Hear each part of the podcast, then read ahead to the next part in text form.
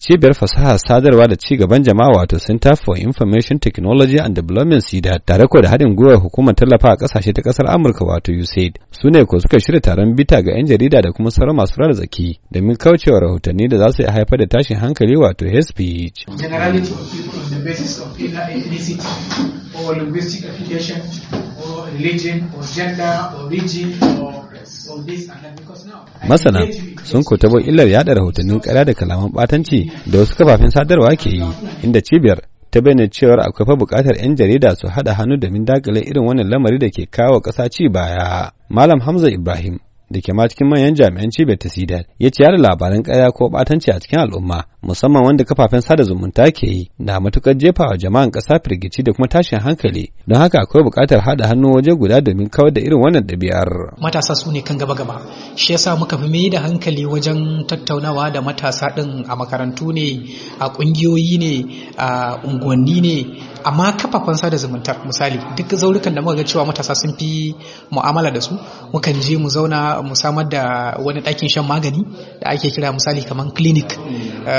Mu gaggaya wa mutane illolin waɗannan kalamai na da tarzoma da hanyoyin da za a iya bi a kawar da su musamman a kafafen sada zumunta don su kansu waɗannan kafafen sada zumunta na zamani ɗin ai akwai ka'idoji da dokokin amfani da su ba su amince a yi amfani a yada waɗannan kalaman ɓatanci ko kuma kalaman da za su iya tada jama'a ba.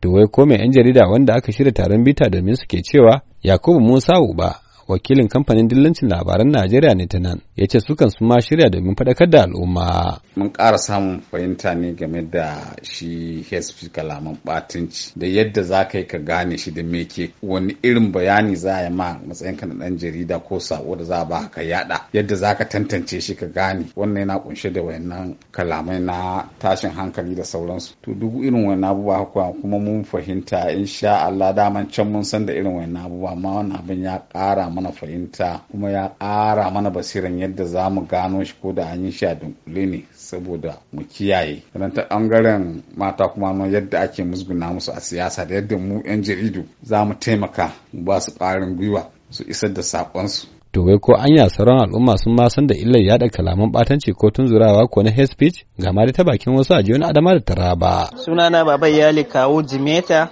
Da na fahimta da hate wato kalaman tunzurawa ko kuma kalaman batanci domin duk inda aka maka kalaman tunzurawa zai sa ka yi abun da baka yi niyya ba ko kuma cin zarafi ga wani. In aka aka yi kalma na kalaman batanci ko tunzurawa gaskiya shi kalaman batanci bayi da bai da ma rana ko kaɗan. Domin yakan sa mutum ya yi abun da bai yi niyya ba. Ta kalaman batanci za a iya yin yaƙi ko tashin hankali. Sunana Iliyasu Jalingo. A danganta wajen kalamai da maganan gefen addini alal misali a ce in ga kana wannan abu sai ce a wannan rabu da shi dan shi'a ne ko kuma ce a rabu da shi kawai wannan dan kaza ne dan kaza ne. A ji ko dan izala ne ai shi yasa yake wannan magana. Ko kuma a wannan dan dariƙa ne shi yasa yake wannan magana. To irin wannan abu ne a danganta abun mutum da wani abun da ba haka ba. To yana abubuwan kuma kalamai ne wanda suna da muni sosai.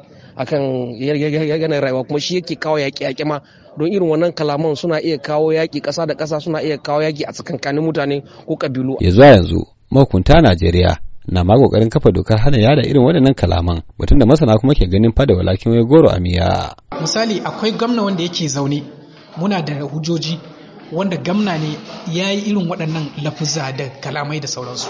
So misali idan kana maganar doka wanda suke dokar a fara aiwatar da dokar akan wannan gamna mana misali. Ko ufan ba a ce ba. Kuma irin ko zaɓuɓɓuka da aka yi a baya mun ga bayanai da kalamai musamman zaɓuɓɓukan kogi da bayarsa akwai abin da ake kira dangerous speech ba ma hate speech ba. Wato kalami wanda zai iya tada tarzoma kusan na nan take. An yi su kuma rikice-rikice sun bayo baya har ya kai ga kashe mutane. Saboda haka kaga idan har ana so a ɗauki mataki a magance waɗannan abubuwa me yasa ba mu ga an yi wani abu a wannan lokacin ba? A nan ya kamata ga misali ba kawai nan ba doka tana da kyau amma akwai ayyukan da ya kamata a yi su kafin doka.